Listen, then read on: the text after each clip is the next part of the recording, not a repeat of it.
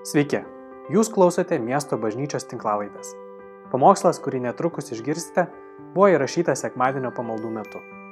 Meldžiame Dievo, kad Jis kalbėtų jums per šį pamokslą. Šį rytą kalbėsiu naują pamokslų seriją, pradėsim ir kalbėsiu apie bažnyčios prasme, apie tai, kas yra bažnyčia ir konkrečiai apie miesto bažnyčią. Ir visi, kurie esat namiškiai, jeigu jūsų čia dvasiniai namai, tai jūs turėsit viską mintinai išmokti, ką aš dabar sakau ir rytoj kažkam papasakot. Ar pasiruošę? Jokio entuzijazmo. Ir kas garsiausiai šaukia, tą tikrai patikrinsim rytoj. Žinot, kad smegenys taip veikia, jeigu žmogui sakai, dabar tau ką sakysiu, turėsi perduoti kitam ir iškart kitaip žmogus klausosi. tai noriu, kad būtum aktyvus ir klausytum atidžiai. Bet šiaip pamokslo šitas ciklas vadinasi mes ir mes kalbam apie miesto bažnyčią. Ir pradedant turiu pasakyti, kad kai mes kalbame apie bažnyčią, konkrečiai apie miesto bažnyčią, yra tam tikros tiesos, kurios yra bendros apskritai visiems krikščionims. Ir tu turi tai žinoti, bet kiekviena bažnyčia turi ir savo uh, charizmą, tam tikrą šventosios dvasios uh, pašaukimą. Ir kiekviena bažnyčia, jinai atlieka tam tikrą misiją. Jeigu mes kalbam, kodėl bažnyčia egzistuoja, tai lengviausia turbūt būtų grįžti prie Jėzaus žodžių, kuriuos jis pasakė mokiniams. Ir mes tai kaip krikščionys įvardėm didysis įsakymas ir didysis paliepimas. Mato Evangelijoje parašyta taip. Fariziejai išgirdę, kad Jėzus nutildė sadukiejus, susirinko kartu ir vienas iš jų įstatymo mokytojas, mėgindamas jį paklausė, mokytau, koks įsakymas yra didžiausias įstatymė. Jėzus jam atsakė, mylėk viešpati savo Dievą visą širdimi, visą savo sielą, visų savo protu. Tai pirmasis ir didžiausias įsakymas. Antrasis panašus į jį, mylėk savo artimą kaip save patį. Šitais dviem įsakymais remiasi visas įstatymas ir pranašai. Vadinasi, kad svarbiausias dalykas, ką žmogus galėtų daryti, didžiausia prasme ir laimė yra tiesiogiai susijęs su tuo, kiek žmogus išgyvena tai savo gyvenime. Kuo daugiau žmogus savo širdyje atranda meilės arba auga meilė Dievui, tuo labiau jis jaučiasi pasitenkinęs. Jo laimės saikas yra tiesiogiai susijęs su jo paskirties arba pašaukimo saiku.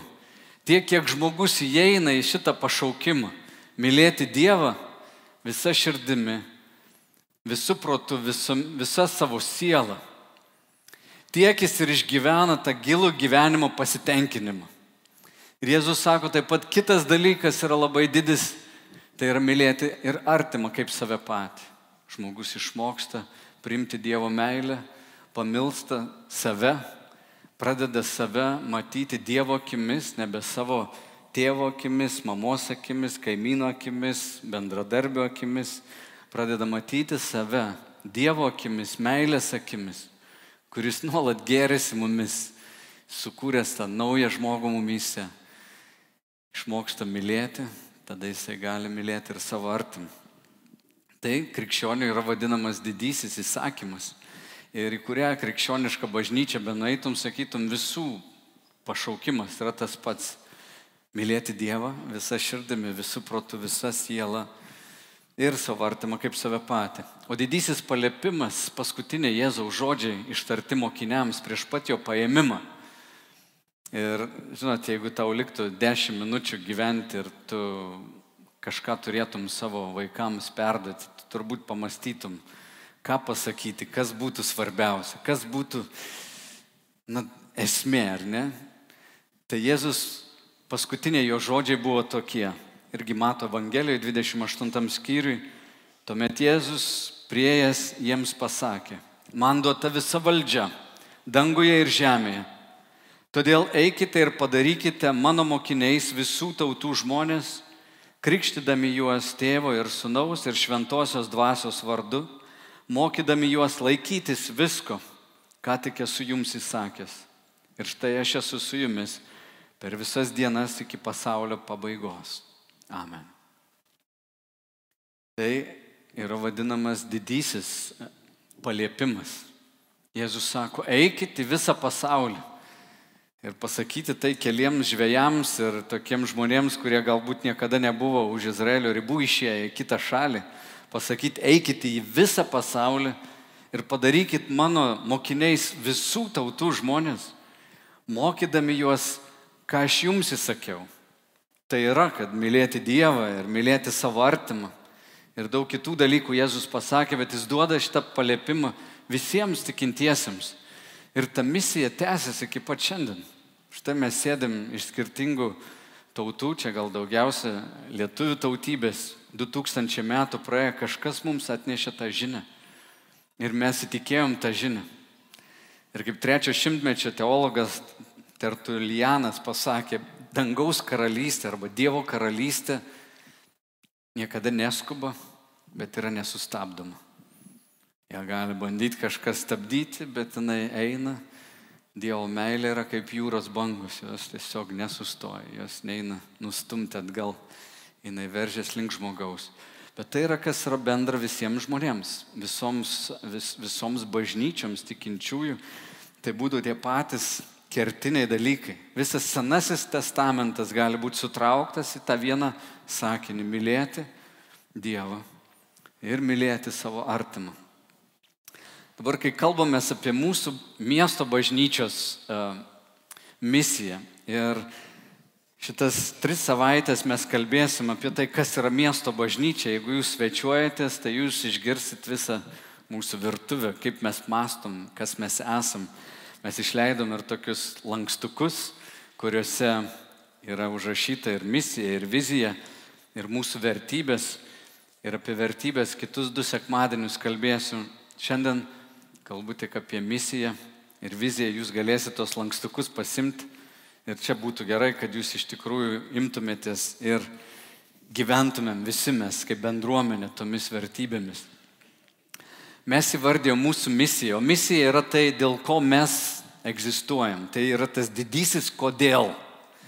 Miesto bažnyčioje vardėjom misiją taip - palydėti žmonės į artimą draugystę su Jėzumi Kristumi palydėti žmonės į artimą draugystę su Jėzutu, visa savo siela yra be galo ypatingas santykis. Ir mūsų misija, kodėl bažnyčia egzistuoja, ir mūsų bažnyčia, kodėl egzistuoja, yra kitiems žmonėms patirti tą Dievo meilę ir ateiti tą artimą draugystę.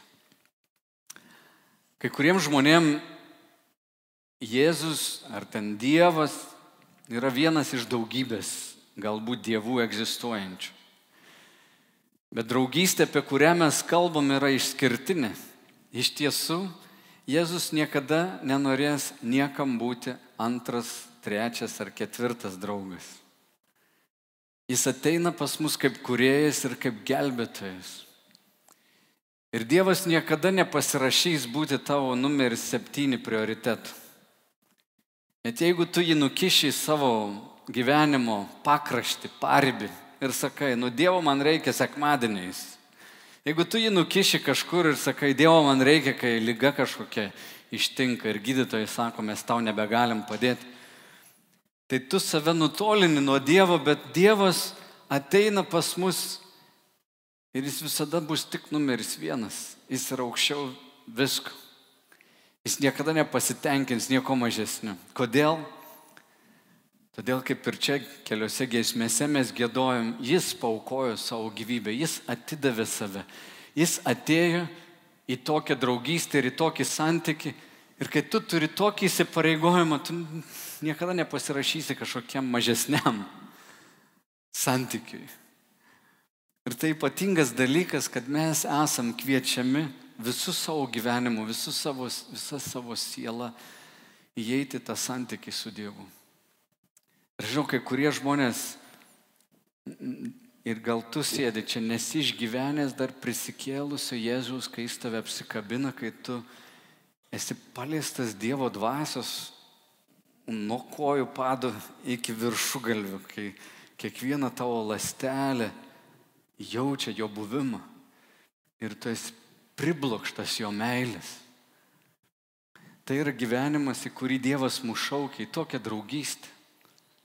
Ir tiek, kiek mes nustumėm jį į parbį, tiek mes atitolinam save nuo šito artumo, nuo tokios meilės, nuo tokios draugystės.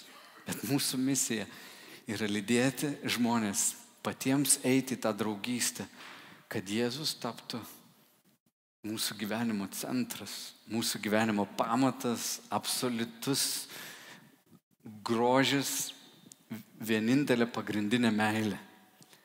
Ir kai tai tampa tikrovė mūsų gyvenime, visa kita sužyba kitom spalvom. Visi kiti dalykai, jie pasidaro suprantami ir gražus ir faini ir tu gali džiaugtis. Kartais tu gali tiesiog stovėti parduotuviai, žiūrėti, kiek rūšių sausainių ten sudėta ir tau tiesiog gera, tu galvoji, wow, kaip gražu, kiek spalvota sausainių. Ir žinai, to, ir tas momentas gali būti šventas. Tai yra, kai Dievas, kaip ten kažkada pamačiau pranciškoniško jaunimo, ten maikutėse parašyta, kai Dievas pirmoji vietoje, visa kita yra savo vietoje. Tai čia ta esminė tokia mintis, kurią ir šventasis Augustinas užrašė. Mylėk Dievą ir daryk, ką nori. Kai Dievas yra pirmoji vietoje, kai tu jį myli, tavęs nebegazina kažkaip aplinka. Tavo šventumas toks tampa tikras, tu nebesi tas teisėjas. Kai Dievas yra septintoje vietoje ir tu galvoji, mm, aš norėčiau, kad jis būtų gal truputį arčiau ir tu stengiasi, bet kažką ir dar paslėpi, tai tu bijai ir, ir nuodėmingų žmonių ir ateina toks netikras teis, toks teisi kitus, saugaisi tų žmonių, kurie gali išvesti iš kelio. Kai nėra tvirtas tas santykis, viskas gazdina. Tada skirstai gyvenimą į šventą, nešventą, čia, čia dieviškas, čia toks. Bet kai Dievo meilė tave priblošia, kai tu esi apimtas, viską, ką darai, yra pašventinta, viskas yra paskirta Dievui ir viskas pasidaro suprantama ir gera ir šventa ir gražu. Ir į tokią kelionę Dievas mus kviečia. Ir mūsų misija kviesti žmonės, palidėti jas įvairiais būdais, palidėti juos ateiti, kad jie išgyventų tą Dievo artumą, kad išgyventų tą draugystę Žiūrėkit, Jėzus mokiniams Jono Evangelijoje sako, tai yra mano įsakymas, kad mylėtumėte vienas kitą, kaip aš jūs pamilau. Niekas neturi didesnės meilės kaip tas, kuris savo gyvybę už draugus atiduoda. Jūs esate mano draugai. Jei darote, ką jums įsakau, jau nebevadinu jūsų tarnais, nes tarnas nežino, ką veikia jo šeimininkas. Jūs aš draugais vadinu nes jums viską paskelbiau, ką iš savo tėvo girdėjau. Ne jūs mane išsirinkote, bet aš jūs išsirinkau ir paskyriau, kad eitumėte, duotumėte vaisių ir jūsų vaisiai išliktų. Kad ko tik prašytumėte tėvą mano vardu, jis jums duotų. Aš jums tai įsakau, mylėkite vienas kitą. Taigi Jėzus kviečia mokinius, kviečia visus, kurie ateis į jo šeimą į labai artimą santykį. Jis sako, nėra didesnės meilės, kaip savo gyvybę už kitą atiduoti. Ir jis atidavė gyvybę už mus. Ir Jėzus visada šauks mums, mus į tokį pat santykį, kur mes atsiliepiam jam tuo pačiu. Mes savo gyvybę jam atiduodam.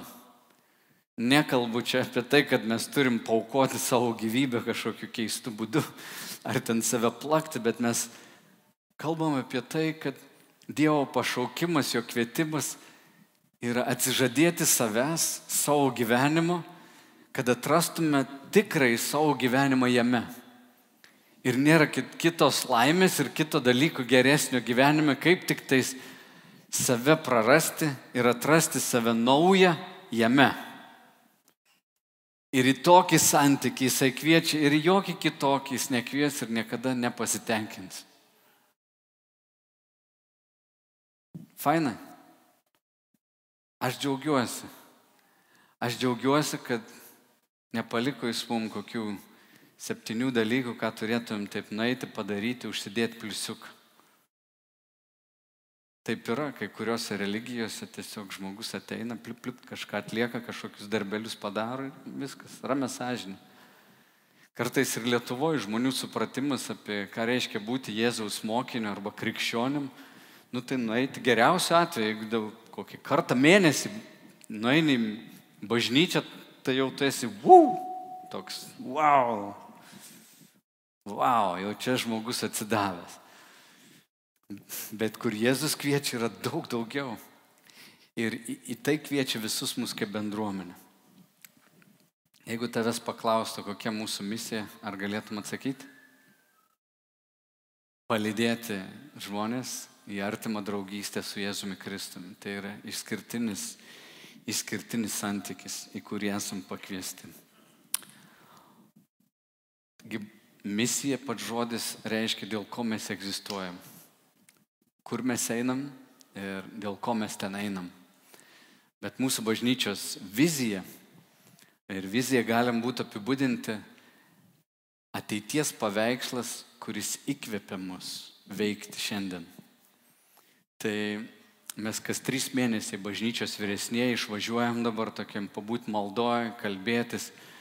Ir vat prieš keletą mėnesių, gruodžio man atrodo pradžią, mes buvom išvažiavę į tokią sodybą, E, kalbėjom apie mūsų vertybės. Ir štai toks sakinys, kurį mes užrašėm, mūsų bažnyčios vizija arba ateities paveikslas yra tūkstančių atkurtų gyvenimų bendruomenė. Tūkstančių atkurtų gyvenimų bendruomenė. Žmonės, kurie yra Dievo atkurti ir atstatomi būti tuo, kuo Dievas juos sukūrė būti. Štai keletą rašto vietų jums perskaitysiu. Petras sako, paštalas, o visokiojopos malonės Dievas, pašaukęs mus į savo amžiną išlovę Kristoje Jėzuje, pats jūs trumpai pakentėjusius ištobulins, sutvirtins, sustiprins ir pastatys ant tvirto pagrindo. Ta žodis ištobulins e, yra žodis graikų kalboje telėjos, kurį, man atrodo, minėjau prieš savaitę, kalbėdamas apie kaip tikslą arba paskirtį. Diev, čia pasakyta, kad visokiojopos malonės, tai įvairaus palankumo, kurį Dievas teikia žmonėms, Dievas pats jūs trumpai pakentėjusius ištobulins arba padarys žmogų tave tobulą. Tai reiškia tokį, kokį Dievas numatė tave būti ne neklystanti, bet tokį, kokį numatė tave būti. Ir tai yra kelionė. Atkurtas gyvenimas yra procesas, kuris trunka visą gyvenimą. Aš pamenu, kai įtikėjau, tai aš galvojau, atkurtas gyvenimas yra štai kas. Aš tikėjau jaunas būdamas, tapau krikščionimi ir man atkurtas gyvenimas reiškia, kad kažkaip stebuklingai nustojau keiktis. Wow, čia tai pasiekimas. Aš nebesikeikiu. Žmogus, kuris ten per dešimt metų truputį per daug išgėrė, kasdien išgerdavo ir tampa krikščionim ir nustoja vartoti. Sako, wow, mano gyvenimas atstatytas, jis atkurtas, aš nebevartoju. Ir kartais mes sakom, tai kokie dideli pokyčiai. Žmogus nebegeria, ten nebesikeikia, neberūko. Yra tokios tos nuodėmės, kurios visiems uh, matomos yra. Ir tai iš tiesų dideli pokyčiai. Aš žinau vyrų, kurie kažkada vaikščio pas vieną moterį, pas kitą, griovė gyvenimą po gyvenimo, paskui ateina pas Dievą ir supranta, kad toks gyvenimas yra žmonių daužimas, yra savanaudiškas, kažkokio jo paties ištvirkimo, sugėdimo išraiška.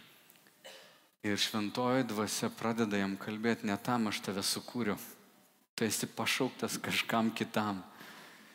Ir šita kelionė prasideda, atkurtas gyvenimas, tai nėra tik tas matomas tokias nuodėmės pačioj pradžioje nustoti daryti, bet atkurtas gyvenimas yra procesas, į kurį šventoji dvasia mus įveda, kur mes tampam to tikruoju aš, kam esam sukurti.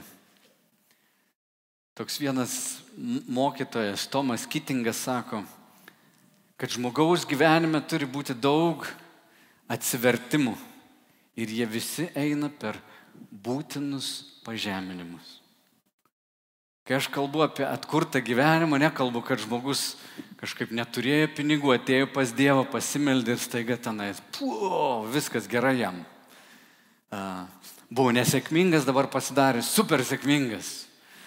Mes nepardavinėjom tokios žinutės, bet pardavinėjom kažkas, kas dar geriau yra. Iš tiesų sakom, kad Dievas tave pašaukė naujam gyvenimui ir šventoji dvasia veda dažnai mus per kentėjimą. Ir čia e, Petras sako, ir jūs trumpai pakentėjusius Dievas ištobulins, jis sutvirtins, sustiprins ir pastatys ant tvirto pagrindo.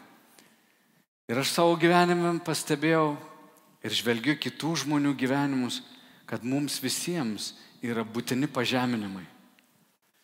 Kai mes esam pažeminami, mūsų tas ego, kas yra tas primityvusis paprastasis žmogus, kurio visas dėmesys yra sutelktas į savęs apsaugojimą ir savęs pristatymą kitiems. Tai dvi pagrindinės strategijos.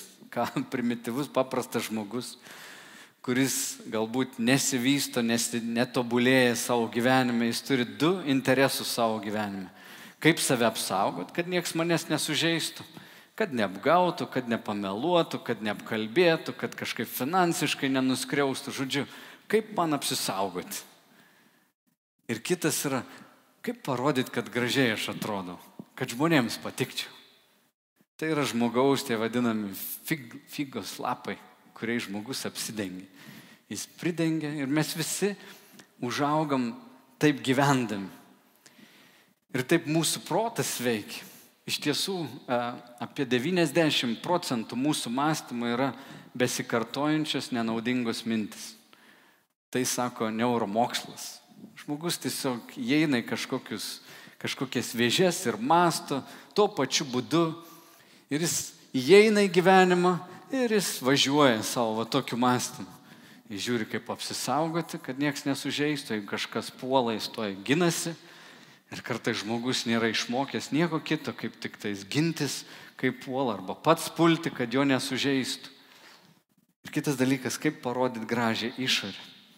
Ir kai mes ateinam pas Dievą, prasideda tas gražus procesas per įvairius pažeminimus, Mes turim išlaikyti tos egzaminus arba tos testus, kur mūsų tas senasis aš, kuris nori gintis ir pristatyti save, pradeda po truputį birėti.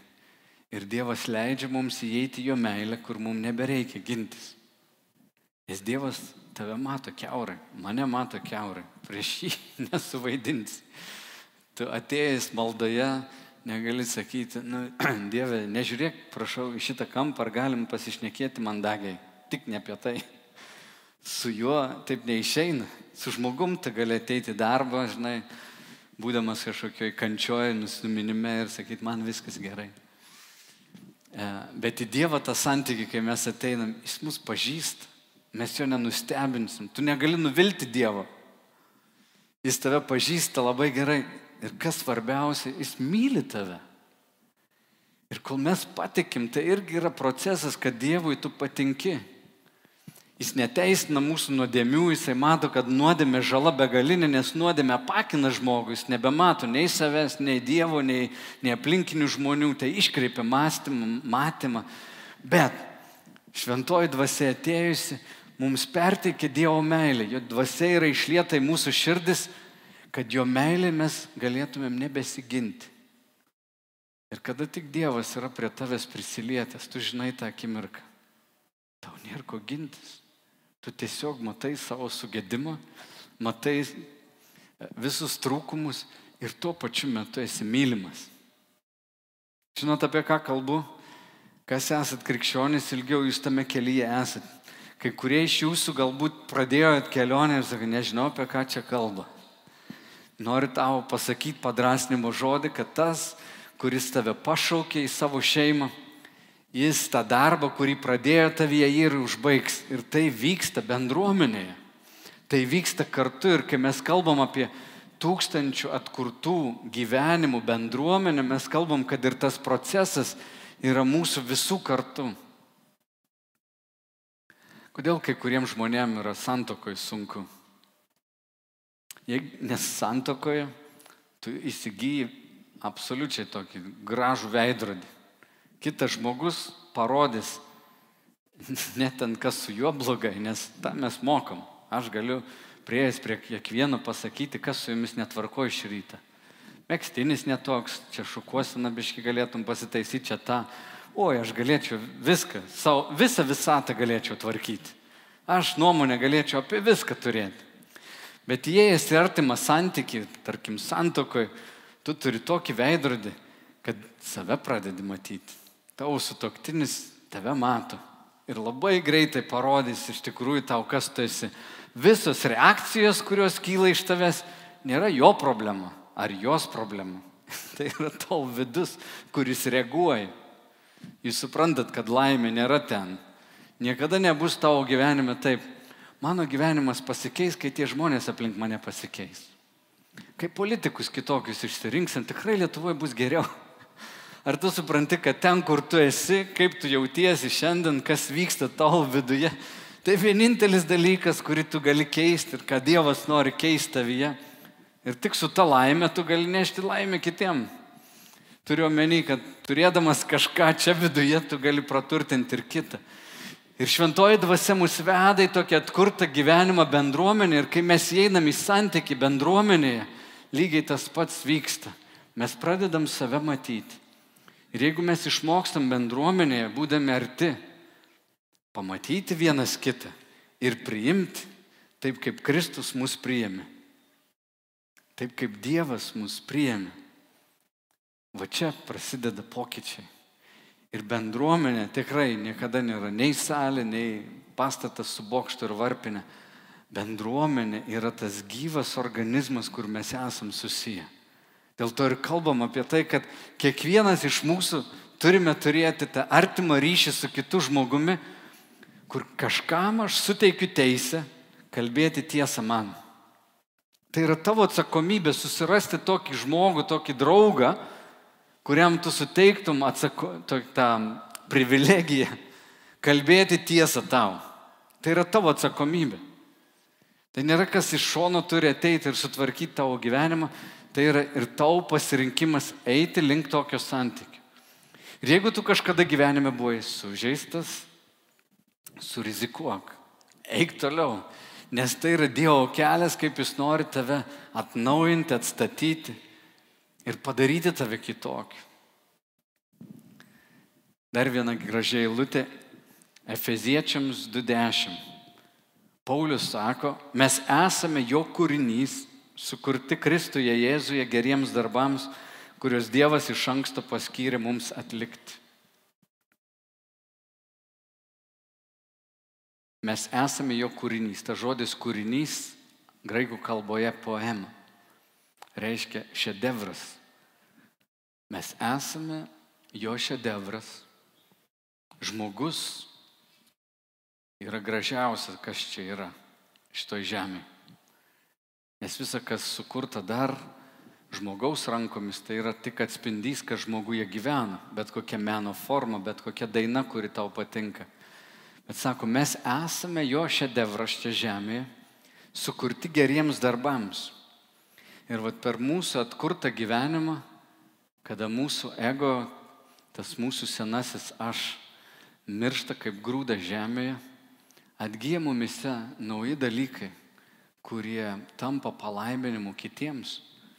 Tokia bendruomenė, kuri gali mylėti, priimti kitus, gali palydėti kitus, yra Dievo šedevras. Ir čia pasakyta, mes esame. Ir aš noriu, kad tu mąstytum lygiai taip pat. Kai mes mastom apie bendruomenę, nemastyk tik apie save, bet mes. Mes.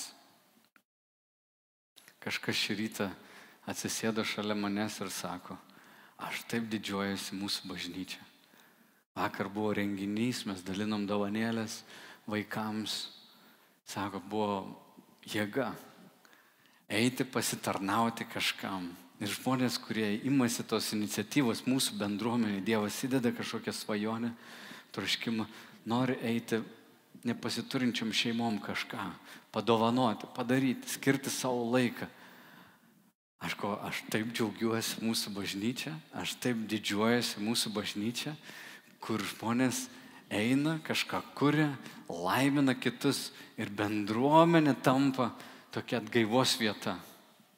Aš taip didžiuojuosi, aš galvoju, kiek šį rytą, žinokit, stovėjau čia prie durų ir žiūriu, kažkas čia viską ruošia, stato.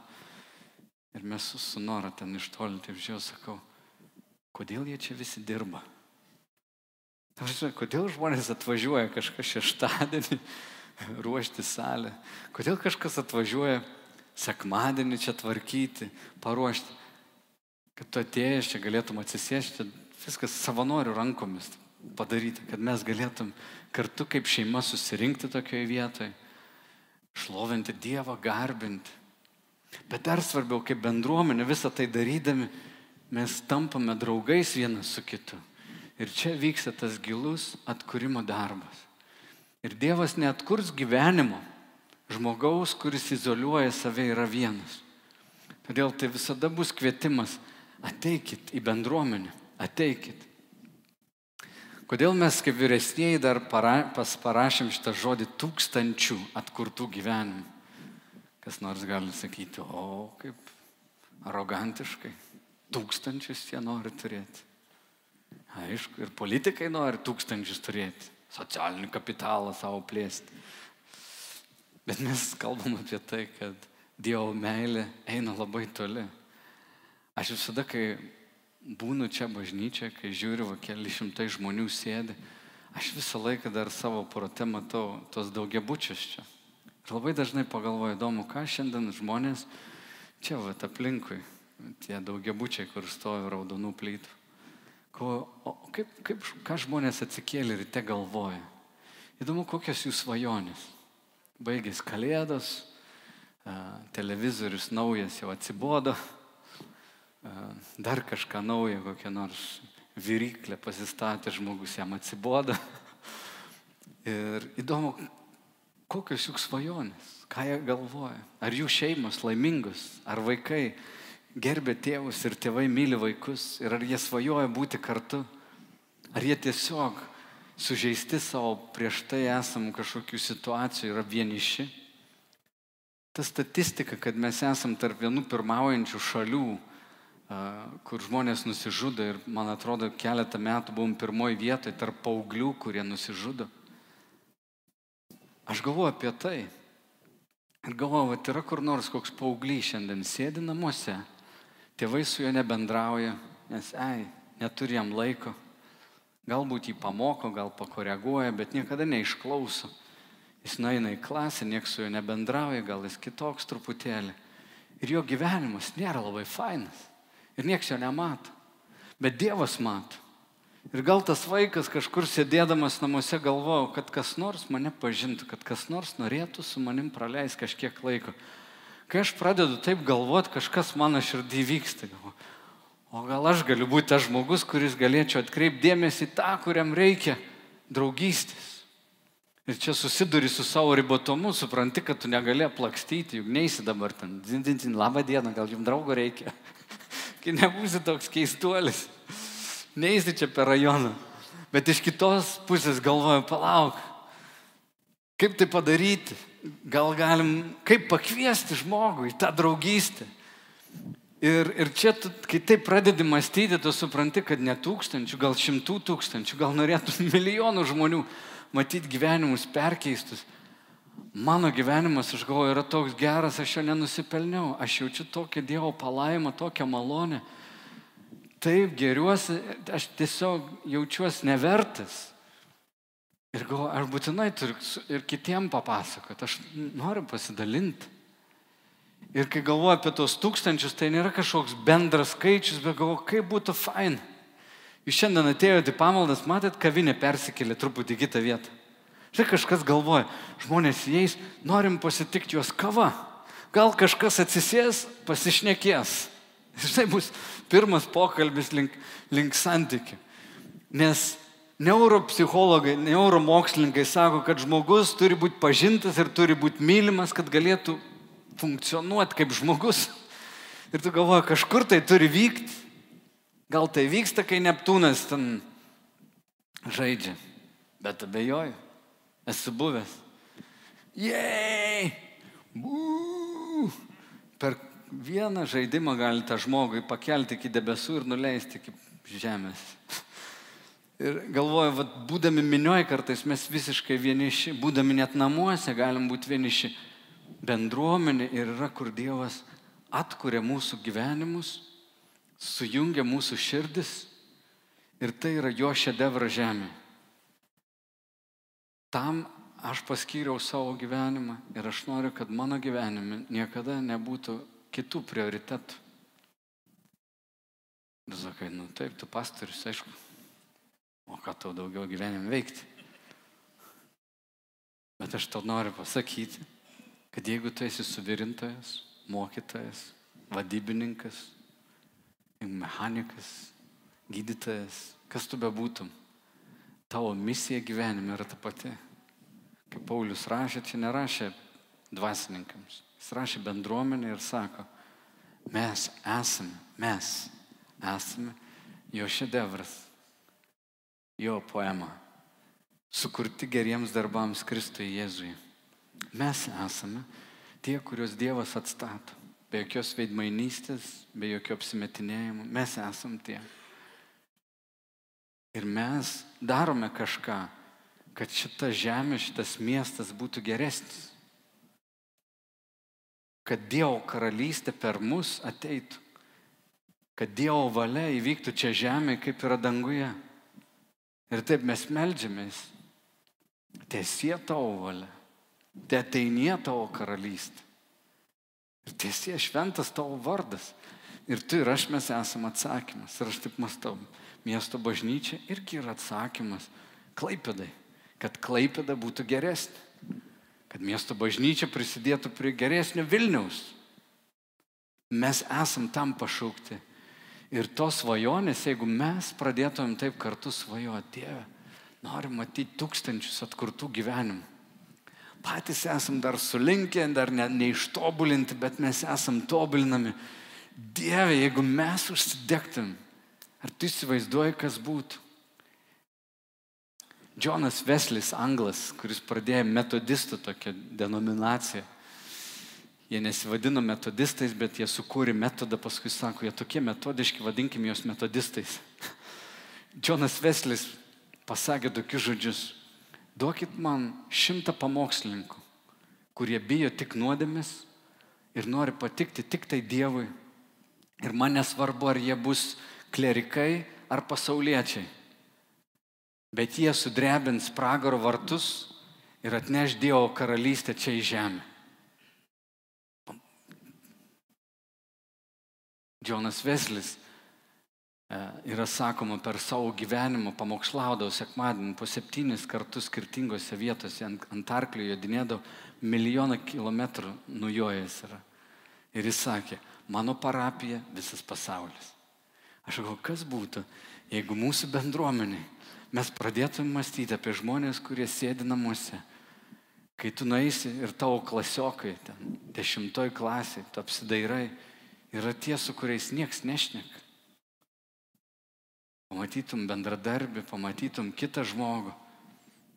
Ir nežinau, nebūtum kažkoks keistas, tu neturi toks būti, žinai, keistuolis, užsipulti žmogų, bet Jeigu tu mylėsi, jeigu tu nuoširdžiai prie jo eisi, didžioji dauguma žmonių atsiliepia į nuoširdų pokalbį, į nuoširdžią draugystę. Kas būtų, jeigu mes taip pagalvotumėm, bijotumėm tik nuodėmės ir norėtumėm patikti tik Dievui? Ar nesudrebintumėm mes pragaro vartų? Ir kai čia sako, kad Dievas, Jėzus sakė, aš pastatysiu savo bažnyčią ir pragaro vartai jos nenugalės, žinot, vartai yra statomi kaip gynyba. Vartai nėra patranka, vartai yra gynyba. Tai kad sako, pragaro vartai nenugalės, vadinasi, kažkas tuos vartus nuolat puola ir vadinasi, tie vartai turės griūti. Suprantat skirtumą? Kad tai nėra polamasis aparatas, tai yra gynybos aparatas. Tai kai Jėzus sako, kad pragaro vartai nenugalės, nereiškia, kad vartai puola. Reiškia, kad bažnyčia puola ir tie vartai net laikys. Ir aš galvoju, kas būtų, jeigu mes taip mąstytum, kad šviesa yra daug galingesnė už tamsą ir nustotumėm skūstis dėl tamsos, bet taptumėm sprendimu problemom, taptumėm tą žinią, kuri atneša, tu, kuri atneša šviesą viltį. Ar negražu? E, sunkiai sekas man čia rytą. Žodžiu, šiandien gal neišeis įkvėpti jūsų, bet šventoji dvasia stato bažnyčią ir jūs tikrai įkvėps. Um,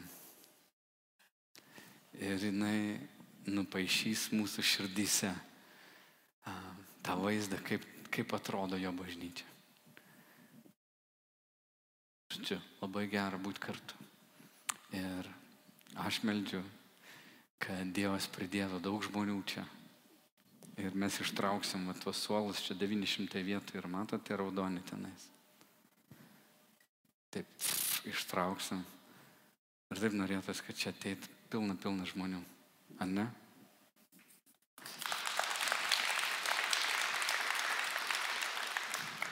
Ir kai ateis, kad susirastų draugų, atrastų Dievą, jo artumą, jo meilę ir prasidėtų jų kelionė. Ir jie keliaus per visą gyvenimą pažindami tą Dievo meilę ir keičiami išlovės išlovę. Dievas gali tave ištobulinti, sutvirtinti ir pastatyti ant tvirto pamato. Kviečiu jūs atsistoti.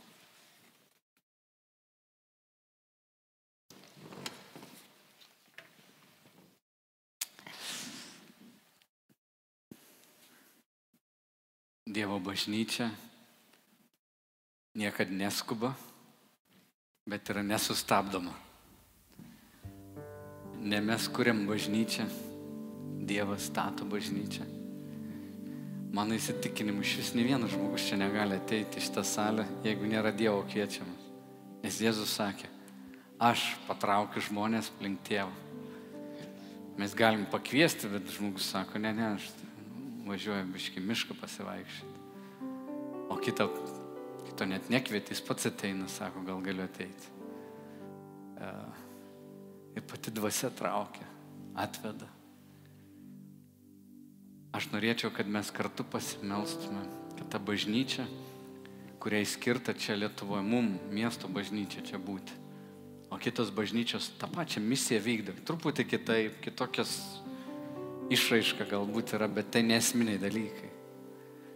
Kad Dievas mums duotų svajoti kartu ir kad mes susivienytumėm tose svajonėse.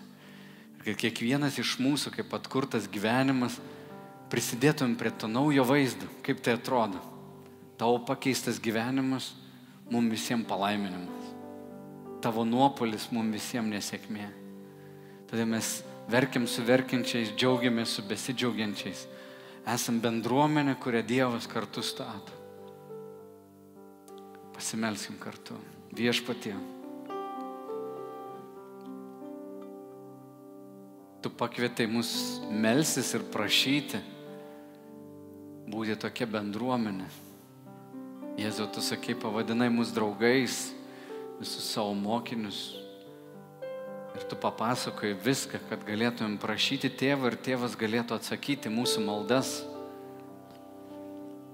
Į viešpadį mes prašom, duok mums matyti tūkstančių atkurtų gyvenimų bendruomenę. Meldžiam viešpatė, kad tavo dvasinės dovanos veiktų čia bendram labui kad žmonės, kuriuos tu nori išgydyti, jie pagytų, kuriem reikia tavo žodžio, išgirstų tavo žodį, pranašystės, kam reikia pagalbos, susilauktų pagalbos, kam reikia gailestingumo, patirtų gailestingumą Dievą, mes melžiam, laimink savo bažnyčią, miesto bažnyčią. Kad būtume palaiminimą šitą miestą, kiekvienas iš mūsų.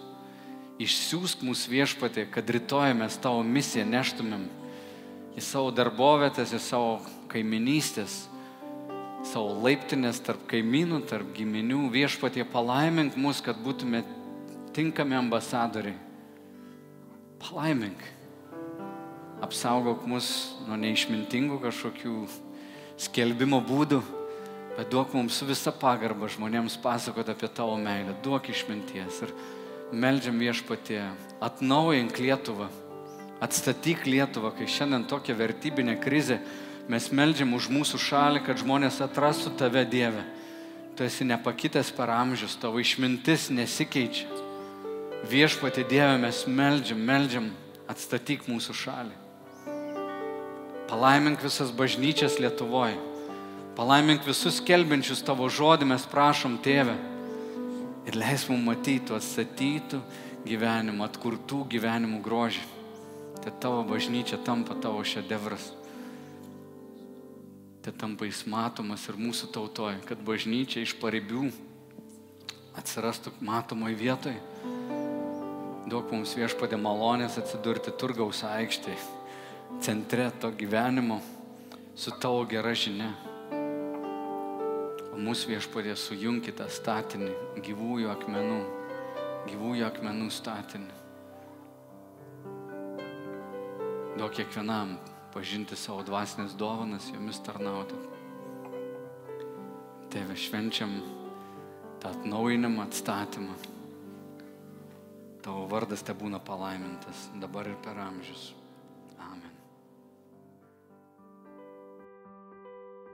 Ačiū, kad klausėte. Daugiau informacijos apie miesto bažnyčią rasite internete www.m-b.lt arba Facebook, Instagram bei YouTube paskiruose.